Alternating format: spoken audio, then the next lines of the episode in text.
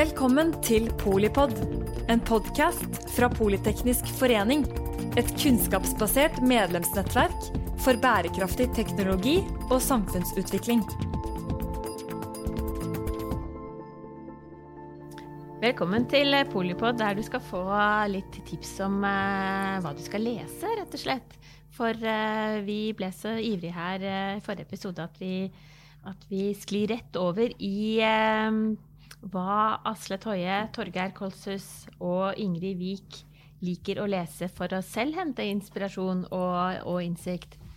Hva står på Du har, vært, du har hatt ufrivillig opphold, Torgeir, med god anledning til å lese. Hva, hva vil du trekke fram? Ja, fri, jeg, var, jeg, var, frivillig inne, men jeg fikk ikke lov til å gå ut. Jeg var koronapositiv. Så da ble det en 15 eh, dager med innetid. Og da slo jeg meg til ro med det faktum at eh, det er godt å ha en full bokhylle. Og det fins ikke noe som heter å ha for mange bøker. Og jeg hadde nettopp hatt bursdag. Jeg har fått eh, to nye. Olaug Nilsens siste bok, som er en slags Kan ses på som en slags eh, halvveis videreføring av uh, Tung tids tale, som kom ut i 2017, som en, uh, var en eksplisitt uh, selvbiografisk bok som var helt fantastisk. Og lærte meg ganske mye om det som gjør at jeg leser bøker, nemlig det å sant, føle seg litt mindre alene.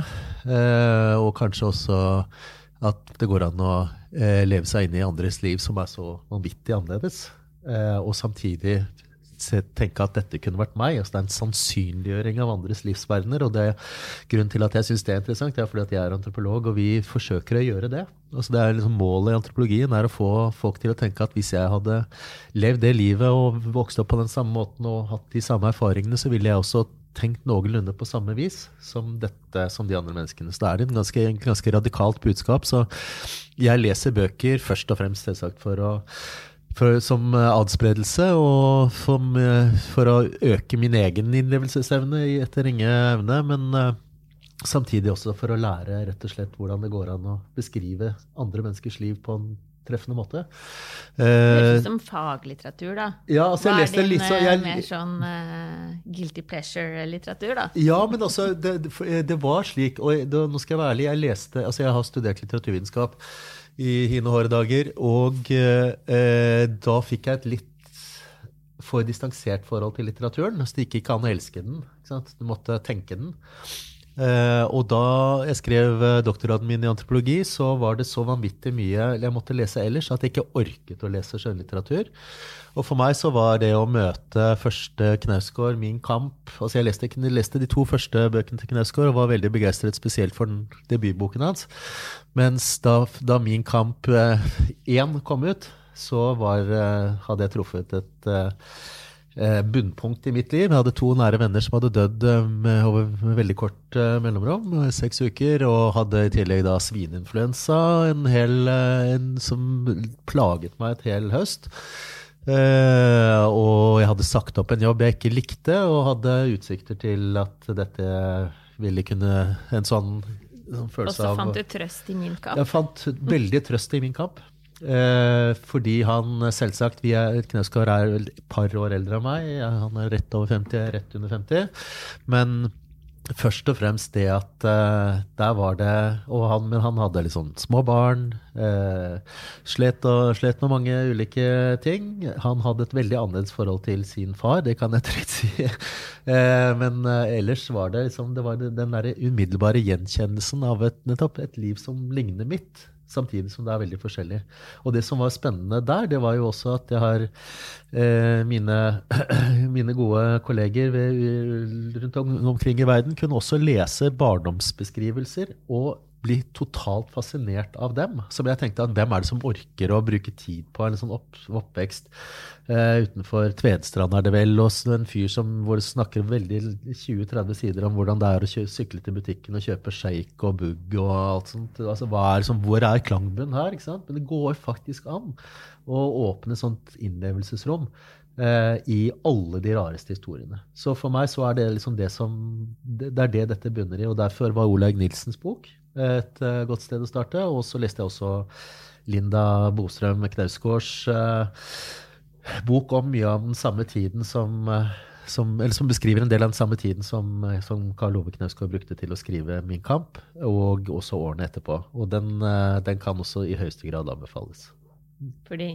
Fordi den Jeg er, jeg er held, såpass heldig at jeg har et ganske stabilt ja, stabilt sinn. Altså, det er ikke sånn at jeg ikke kan bli kolerisk og sangvinsk og hva det skal være, men jeg faller stort sett tilbake på et Jeg er godt sånn jeg, Livet ligger på sånn fire pluss stort sett uh, meste av tiden. Av og til så er det liksom oppe på en fem pluss, men sjelden under fire.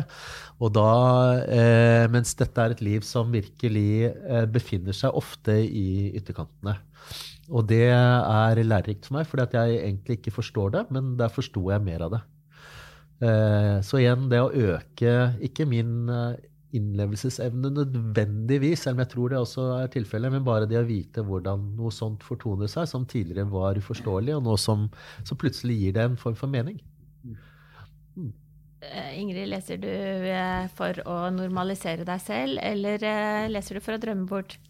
Du, jeg leser Jeg er et engasjementsmenneske, så nå så har jeg sånn, hva er det, er sånn seriemonogam. altså Jeg har sånne perioder hvor jeg er opptatt bare av det. Og nå er jeg veldig på reising. Jeg liker å skrive, lese reisebøker. Så, og det er fordi at jeg selv holder på med en, en, et bokprosjekt hvor jeg skal reise rundt i Norge. Så jeg har lest uh, de siste, bare de siste, denne høsten, og spesielt nå i de siste nedstengene i korona, så har jeg lest eh, eh, Morten Strøksnes. Han har skrevet en bok eh, for noen år siden som het 'Hva skjer med Nord-Norge?' Og det var Utgangspunktet for den var jo Ottar Brochs eh, gamle klassiker 'Hva skjer i Nord-Norge?' Og, og Nord-Norge er jo altså et fascinerende, interessant og spennende landskap. Og så er det så interessant politisk, fordi vi altså akkurat nå sant, med distriktsopprør og, og, og, det er ganske lang vei fra Norge til eh, til Nord-Norge. Jeg har selv kjørt bil fra Oslo til Finnmark på to dager. Det er, det er veldig langt og veldig fort og på veldig kort tid, vil jeg si. Og det er jo et, helt, en fantastisk reise, hvor du liksom ut og inn av de nordiske landene, og så ender du Sant, du krysser over til Karasjok, eller Kautokeino, altså inn til Karasjok og jeg spør om veien. Jeg, ikke, jeg, får ikke et svar på norsk. ikke sant? Jeg, får, jeg må stille spørsmål på engelsk. Øh, og når jeg skal høre på radioen på vei til Vadsø, for jeg skal levere denne bruktbilen da, som jeg kjører opp fra Oslo, så, så kommer jeg ikke inn på, liksom, på NRK Finnmark. Jeg hører på liksom bare sameradioen. Det er sånn kamp på eteren. Og jeg sitter og føler at jeg er i et, et, et, et sånt konfliktområde hvor liksom, mellom ulike offentligheter. Det er fantastisk spennende, særlig for meg som jobber mye med sånn konflikt på Balkan. og sånn. Så det å reise litt med, med, med Strøksnes, som er født i Kirkenes, og, liksom, og, som, og, som, reiser tilbake til Kirkenes innimellom og, og ser på liksom hva som skjer der, det, det, det syns jeg var veldig veldig gøy. så det er, det er, en bok, Han skrev senere 'Havboka', som jo er en utrolig flott, kanskje en av de flotteste sånne, sånne den type bøker jeg har lest i Norge. Og så er det en bok som, som jeg virkelig setter veldig stor pris på, og som jeg kommer tilbake til. og Den handler om Tyskland, og det er skrevet av en norsk forfatter og nå må jeg tenke litt, men boka handler om DDR. Uh, er. Astrid um, Det er dumt at jeg ikke kommer på navnet på tittelen. Men hun skriver om 'Det var DDR', heter boka. Jeg skal komme på, på forfatteren. Hun, det hun gjør, er at hun skriver om eh, hvordan gamle østtysk, altså, gamle østtysk altså historie fra fra dagens Tyskland, men med utgangspunkt i det gamle Øst-Tyskland. Og det gjør Den boka er en, en jeg vil si det er, holder et slags internasjonalt format. Den er skrevet for sikkert nå ti år siden. Eh, men, eh, men, er, og den er skrevet, uh, utgitt på Samlaget, som er skrevet på nynorsk. Og den er en utrolig flott uh, dokumentarhistorie, rett og slett. Og en reisebok. Hvor hun møter forlagsfolk eh, som gir ut bøker fra Stasi-arkiver. Altså, det er bare så utrolig interessant. Og det er både en, en, en fortelling om hvorfor folk faktisk drømmer tilbake til, til det gamle Tyskland. Og dette er jo interessant for deg, Asle, som skriver om Du skriver litt om det ja, også i dette. boka di. Ja, Men den boken den, den, den er outstanding. Og da måtte jeg også lese 'Frankfurt' av Tur-Erik Lund. fordi han reiser jo til Frankfurt for å være med på bokmesse. Og særlig de første, det første kapitlene er helt fantastiske. For jeg elsker å kjøre bil. Og han kjører altså en gammel, gammel bil ned til Frankfurt og ender da på mange rare sånne veier underveis. Ja, det er bare utrolig spennende. Den boka må Den er kort. Det er en page-turner. Veldig gøy. Så ja. Hun heter uh, Astrid Sverresdatter Dypvik. Nemlig. Og Og det er en undertittelen er jo veldig interessant, og nesten som en planlagt lissepasning til uh, Asle, nemlig 'Fortellinger om et nedlagt land'. Om et nedlagt land. Uh, ja, så, så Du jeg får all gloom, doom and gloom. Doom and gloom. Nei, men så, så jeg, jeg er jo ikke så Jeg, jeg, jeg, jeg tror jo, håper jo at uh, at jeg, er, at jeg er sannferdig i det jeg beskriver, men jeg må ærlig innrømme at sånn som da jeg eh, Det med bistandsevalueringer tidligere i verden, så var det én ting som alltid fascinerte afrikanere, og det var at eh, nordmenn var så utrolig glad i å kritisere seg selv. Så liksom for veldig mange av disse bistandssatsingene gikk rett eh, på skogen. Eh, og det som overrasket afrikanerne, var liksom at nordmennene kom ned og fortalte hvordan vi hadde mislyktes, og at vi fant så mye glede i å være så skånløst selvkritiske. Og det er eh, Eh, så er, min, min bok eh, hører nok litt hjemme i det. Men så på fritiden så leser jeg Erika Fatlands eh, mesterverk eh, 'Himalaya'. Og det er litt sånn gøy. liksom. For det, Eller eh, høyt, heter vel Boka heter 'Høyt i Himalaya'. Eh, og hun følger da i, i Sven Hedins fotspor, selv om hun ikke synes å være klar over det. For, for, for Sven Hedin, den store norsk-svenske utforskeren, skrev et tobindsverk som het 'Trans-Himalaya'. Eh, som man- finnes i veldig mange norske bokhyller, for det var en bestselger rundt 1910. Og så har da Erika Fatland reist eh, gjennom da fem ulike land eh, i, og gjennom da verdens høyeste fjellkjede. Kjempemorsom lesning. Eh, og Erika Fatland skriver veldig lett og fint. Og så eh, det andre er at jeg tok og kjørte i veggen på bok fire på Knausgård. Og så nå har jeg kommet til at jeg har lyttet til de to siste bindene. Eh, og jeg, liksom, det er jo også du Vi, har, vi er barn eh, av samme tid som Knausgård, så for meg så er det nesten sånn skremmende nært. For jeg er jo også vokst opp på Sørlandet på samme måte som han. eh, I et veldig lignende verden. Eh, og liksom det er veldig mye som er, eh, veldig mye som er likt. Og så på et eller annet tidspunkt rundt bok fire så begynte jeg å gå lei av Karl Ove. Eh, jeg syns at Karl Ove eh, ikke var mye til kar. Jeg syns at han eh, er eh, lite Liksom, hvor mye kan du klage, da, eh, klage da, Karl Ove? Eh, det var bok fire. Og så fikk jeg da disse høreklokkene på, så nå har jeg lyttet til de to siste. og det begynner. Jeg må si at det er veldig gøy at vi fikk lov til å leve eh, på den tiden da Karl Ove Knausgård skrev 'Min kamp', for dette er noe som kommer til å gå inn i den norske litteraturhistorien. Og det er, så det, jeg lyttet fordi at jeg følte at det var, jeg hadde en slags plikt til det. Eh, men jeg må ærlig si at det essayet som Karl Ove Knausgård skriver om Adolf Hitler i siste bind, er utrolig interessant. Eh, Jeg er ikke sikker på om det hører hjemme i den boka der, men det er utrolig interessant. Eh, Så det er eh, Jeg leser, jeg leser Fatland på papir, og så hører jeg på Knaus. Nei, fem, femmeren i den serien er det, Toeren og femmeren er de, er de store høydepunktene. Og helt enig, DC er virkelig virkelig fantastisk. Mens en god del av den sekseren kunne godt vært redigert bort, etter mitt skjønn.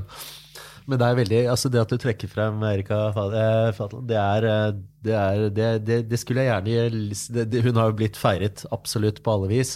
Eh, og jeg har forsøkt å For det går pågår en debatt igjen i mitt fag nå hvorvidt etnografi er liksom Hva, hva er det vi driver med, egentlig? Altså, og bare verdien av en god beskrivelse, hvor mye kraft som ligger i det, det har veldig mange antropologer nå forlatt. For det som teller, liksom, det er teoridannelse. Og teoridannelse i mitt fag hvis det foregår for fjernt fra folks eh, levde liv, så blir det eh, tåkeprat. Eh, og så går vi tilbake til eh, de gode, gamle klassikerne. Nå snakker jeg fram liksom til, til, til, til rundt 60-tallet. Så er nettopp utgangspunktet er beskrivelser. Utgangspunktet er det etnografiske, og så trekker man ut noen felles gullkorn som kanskje har relevans for området, eller kanskje i ytterste forstand har relevans for menneskeheten. Men det står alltid på et bunnsolid fundament, og det er etnografien. Så det er en, det er en, en sørafrikansk eh, antropolog som, eh, som, var på besøk her, eh, Ian Shapiro, som Eh, som de skulle holde gjesteforelesninger, og studentene gruet seg sånn. Dette er en 30-40 år siden. De gruet seg sånn, for de hadde lest bøkene og syntes det var så dritkjedelig. Det var bare beskrivelser av folk. Og så kom han holdt og glitte glitrende forelesningsrekker, og de var helt slått i bakken. Og så var det en som drista å spørre altså, hvorfor. Du, dette var helt fantastisk også, men de, de, du er jo ganske annen muntlig enn du er i bøkene dine. ikke sant? Hvorfor, så underforstått, hvorfor skriver du om hvorfor, disse nitide beskrivelsene av dette og dette? Og så sa han jeg skriver for evigheten. ikke sant? Og det er det som blir stående igjen. Altså, det, er, det, det som står, det er eh, når man går i bokhylla og finner sånn Trans-Himalaya. Jeg er medlem av Travelers Club, som er en, eh, fremdeles en herreklubb. Det er jo veldig trist å si disse dager. Jeg er en, vel nesten det yngste medlemmet.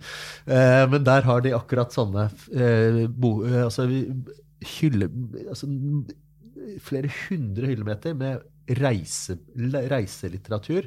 Og selv om vi hadde skrevet under betingelser som jeg vanligvis tenker på som liksom, er, hold, Grunnholdningen er ikke nødvendigvis eh, spesielt uh, ja, nei, er ikke, den er ikke spesielt sjarmerende.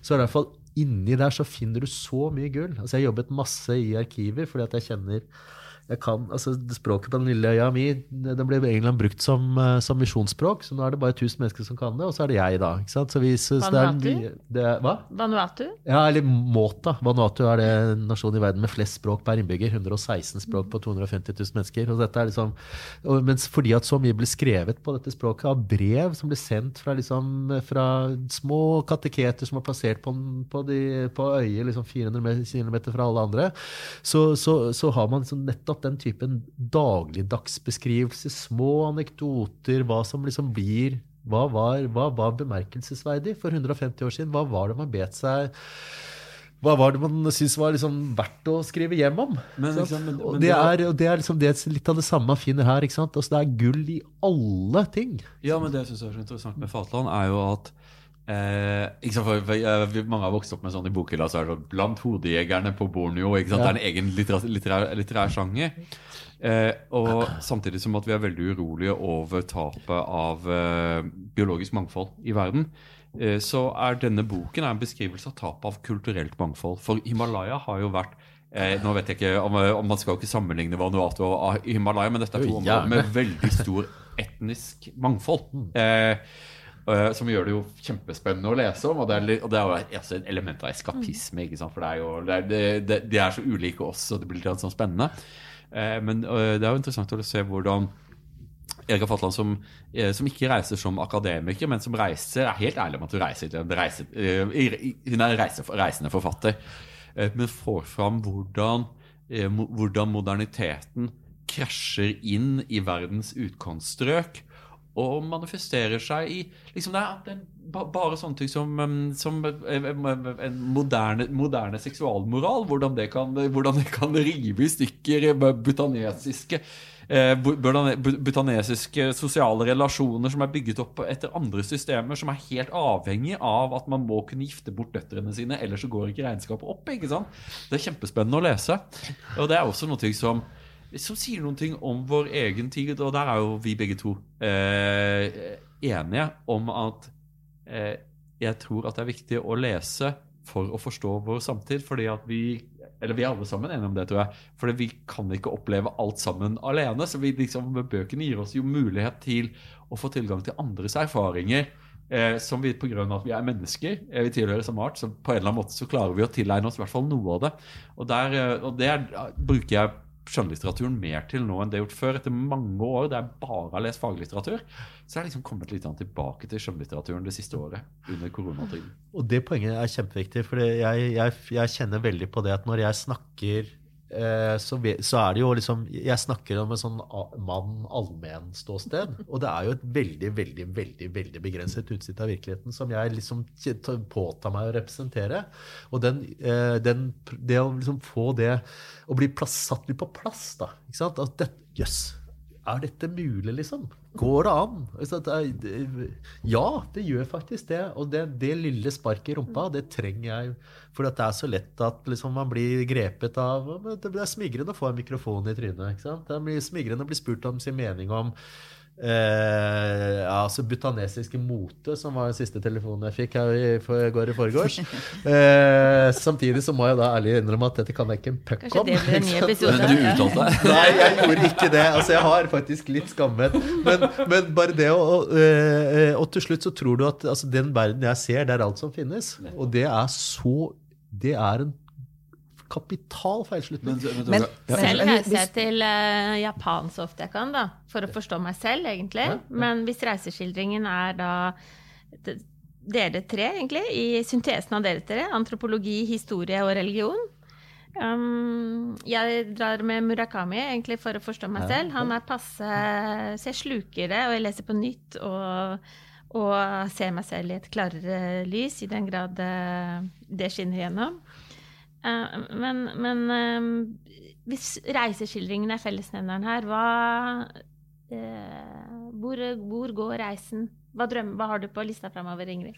Nei, altså, jeg, En annen ting som jeg tenker er en reise, er jo å altså lese om historien. altså Komme tilbake til andre tider og få den, også den etnografiske, eller i hvert fall den personlige fortellingen fra annen tid. Og nå er Jeg også, jeg er veldig interessert i krig og fred. eh, Og, og nå, akkurat nå har jeg plukket opp en bok på, på biblioteket som heter 'Krigens skjønnhet og sorg', som er skrevet av en svensk dokumentarforfatter, men en ordentlig forfatter, som heter Peter Englund. Og den boken er jo da en lille fortelling, en lille person altså Det kan følge kanskje et galleri på 10-15 helt vanlige mennesker. Eh, En liten pike, en soldat, altså, og leser da første verdenskrig i Tyskland, i Frankrike, men sett fra liksom det lille ståstedet. Og det syns jeg, eh, jeg er viktig litteratur. Fordi det viser jo det allmennmenneskelige i, i helt prekære situasjoner. Og det viser, et samf viser hvordan samfunn går i oppløsning uten at folk er forberedt på det. Og, så historien tenker jeg også er viktig. En, også en måte å reise på som, som plasserer oss i verden og kanskje på en, altså en litt sånn korrigerende og gjør oss litt ydmyke i forhold til de tingene vi selv står i. Jeg er veldig enig. Eh, Jeg mener jo at historien er en, gir oss muligheten til å bli kjent med oss selv. Fordi vi tenker jo på en eller annen måte at vi, eh, at vi fødte oss selv, at vi har konstituert oss selv, og at vi er konstituert av vår utdannelse og den type ting. Men så er det veldig mye som ligger bak oss, og som vi kanskje har glemt, som også, som, som også trekker i oss i usynlige tråder. Og mitt bokprosjekt eh, er jo bundet opp i at jeg syns at Europa er så utrolig spennende. Og det at, liksom det at jeg skulle være så heldig liksom å bli født inn på et kontinent hvor det er, hvor det er historie og ruiner overalt. Og det er så mange ting som er festet til papiret, og som som du kan lese om, og som er så inspirerende. Eh, og hvor du virkelig kan bare la liksom, de bre vingene og, og liksom å sveve av gårde med, med huner og magiarer og, og romerske triumfbuer. Eh, veldig enig med deg. Det er, eh, det er noe jeg veldig gjerne gjør nå. Og så er det så deilig å fylle sånn kunnskapshull. Altså jeg hadde et, 30-årskrigen. ikke? Den, den rammet jo oss i liten grad. Men jeg hadde et, et, et, et, en, sommer, ja, Forrige sommer så tenkte jeg nå, nå skal jeg lese meg på 30-årskrigen. Og det er en fantastisk bok som ble til og med oversatt til norsk. Jeg koser meg på stranden. Gulgel, som liksom viser hvordan sven, hvor kjipe svenskene var. ikke sant? Er dette Stor- Petter Englunds ufredsår? Ja. Nei, nei, nei, nei, nei, den heter 30-årskrigen. Uh, uh, åh, jeg kommer ikke på, jeg lurer på om den gikk ut på Spartacus. Eh, og det, er en, eh, det er en svensk forfatter, men ikke, ikke her. Hvor eh, liksom, eh, en, en tysk eh, kvelds... eh, kve- dokumentert tysk nattasang som heter 'Sov du godt, lille barn, i morgen kommer svensken'. Nei, det, er noe, det, er, det er et fast uttrykk. Bettkindchen bett, morgen kom til Sved. ja, Ja, ja, det sier jo mine tyske venner til, til kidsa sine. og så hvordan vi liksom Uttrykk som ler. altså Krabat, som kommer fra kroat. I- de kjenner sine pappenheimere. Pappenheimerne de, de visste Når de kom inn i, inn, inn i slaget, så var, da var utfall gitt. ikke sant? Fordi det, liksom, det, var, det var en siste Hvis du trengte dem, da var det virkelig da var det, da var virkelig ute. Men de ville jo aldri, alltid redde situasjonen. Så, det er så, så bare Yes! Det er så bare på fantastisk formidling. ikke sant? Og så Det er Dick eh, Harrison. Ja, stemmer. stemmer. Ja, ja. 'Et stort lidende har kommet over oss'. Den skal jeg kjøpe. Eller i alle fall, jeg tror at jeg skulle ønsket meg den til jul. Gjør det. Og det er en, en sann svir å lese. Og så sitter du der bare Og det er noen som har den evnen. Eh, jeg kjenner, kjenner noen. Eh, og det er De burde vi gitt statsstipend på flekken. Skriv bøker, opplys oss og underhold oss samtidig. Helt fantastisk. Herlig. Hva ønsker du deg til jul? Du, jeg er jo litt sånn kjedelig, så jeg kan godt tenke meg enda flere bøker. Eh, da, men det vi kan, det vi, nå har vi vært mye inne sånn, eh, i det som er virkelighetsnært. Eh, mens det jeg nok har savnet en del i eh, de siste 15 årene av norsk litteratur, det er den virkelig ville diktningen. Men i fjor så kom den jo med Nå står det helt stille. Eh, Fallbakken. Eh, Mathias Fallbakken. Og som er en fantastisk fortelling, som da en fremstår som helt plausibel. At han skaper liv sitt, i sin garasje. Og livet stikker av. Eh, og sånn, det, sånn det fantastiske, sånn type norsk magisk realisme, det, det skulle jeg gjerne sett mer om. Ordentlig diktning. Altså vi, Fantasien setter jo i praksis ingen, ingen grenser. Det er fantasien, Og selv om virkelighetslitteraturen gjør noe med meg som menneske, så skulle jeg gjerne, veldig gjerne ønske mer tankeflukt. Eh, så den som eh, Og det kan godt hende, det er sikkert mye som har gått under radaren hos meg også, altså, men det er bare det som må være Litt Liksom som Knausgård gjør i sin siste, siste, roman, 'Morgenstjernen', det er en sånn. Og nå så jeg nettopp, fikk jeg nettopp nyss om at han tenker på det som en, i hvert fall en, hvert fall en oppfølgingsbok, og kanskje en trilogi. Og jeg gleder meg vanvittig til den kommer. Du skriver selv, Ingrid, men hva ønsker du deg til jul? Det blir jo ofte bøker, da. Eh, og gjerne Jeg er litt nå på historiehakket, som jeg sa i stad. Apropos kunnskapshull. Jeg, jeg, jeg, kjenner eh, når jeg leser, at det er mye jeg rett og slett ikke vet. Og det er jo ikke noe overraskende at man ikke vet alt. Men eh, jeg, jeg tenker litt på allmenndannelsen min. Og det går ikke bare på historien, men det går også på sånne ting som Kan jeg egentlig Darwin? altså jeg sant, kommer fra humaniora. Det er så mye jeg føler at jeg trenger å, å ta rede på. Så, sånn En slags sånn allmenndannelseslitteratur på bred front, jeg tror jeg er litt der nå. Og det er der vi leser. Altså det er Jarl Harari som, som, som, som gir, oss, eh, gir, gir, oss, nettopp disse pirkene. Altså, de som skriver bredt og generelt, Steven Pinker, Jared Diamond Eh, de, eh, når de kommer inn på mitt fagfelt, så ser jeg at dette ikke holder mål. Men de, de, jeg ser jo at det de trigger nysgjerrigheten på de fagfeltene de ellers er innom. Så det går an for meg å få en liten, lite innblikk i noe, og så går det an å gå i dybden på noe andre. Og det er sånn, så jeg, jeg er veldig eh, jeg, i, i min altså antropologi og stillehavsforskerverden spesielt, så er en fyr som Joe Darwin f.eks. vanskelig å tolerere for en del. Men jeg har prøvd å vri det til at tross alt dette har brakt mange mange, mange hundre tusen mennesker til å lære seg litt om Stillehavet, som de ikke kunne før. Og for noen av de menneskene igjen så vil det bety at de har eh, gjort en jobb for å, for å forstå mer, og det skal vi feire. Vi skal oppmuntre, vi skal heie på. De skal ikke være de smålige folka som liksom sitter og pirker på detaljnivå. Eh, I hvert fall ikke utad. Eh, vi kan godt kritisere det, men vi kan, vi, vi, når, når, det gjelder de som bringer altså liksom, de, som, de som bringer lesere til oss, eller eh, bringer, bringer en form for oppmerksomhet til oss, de skal vi virkelig applaudere. Altså.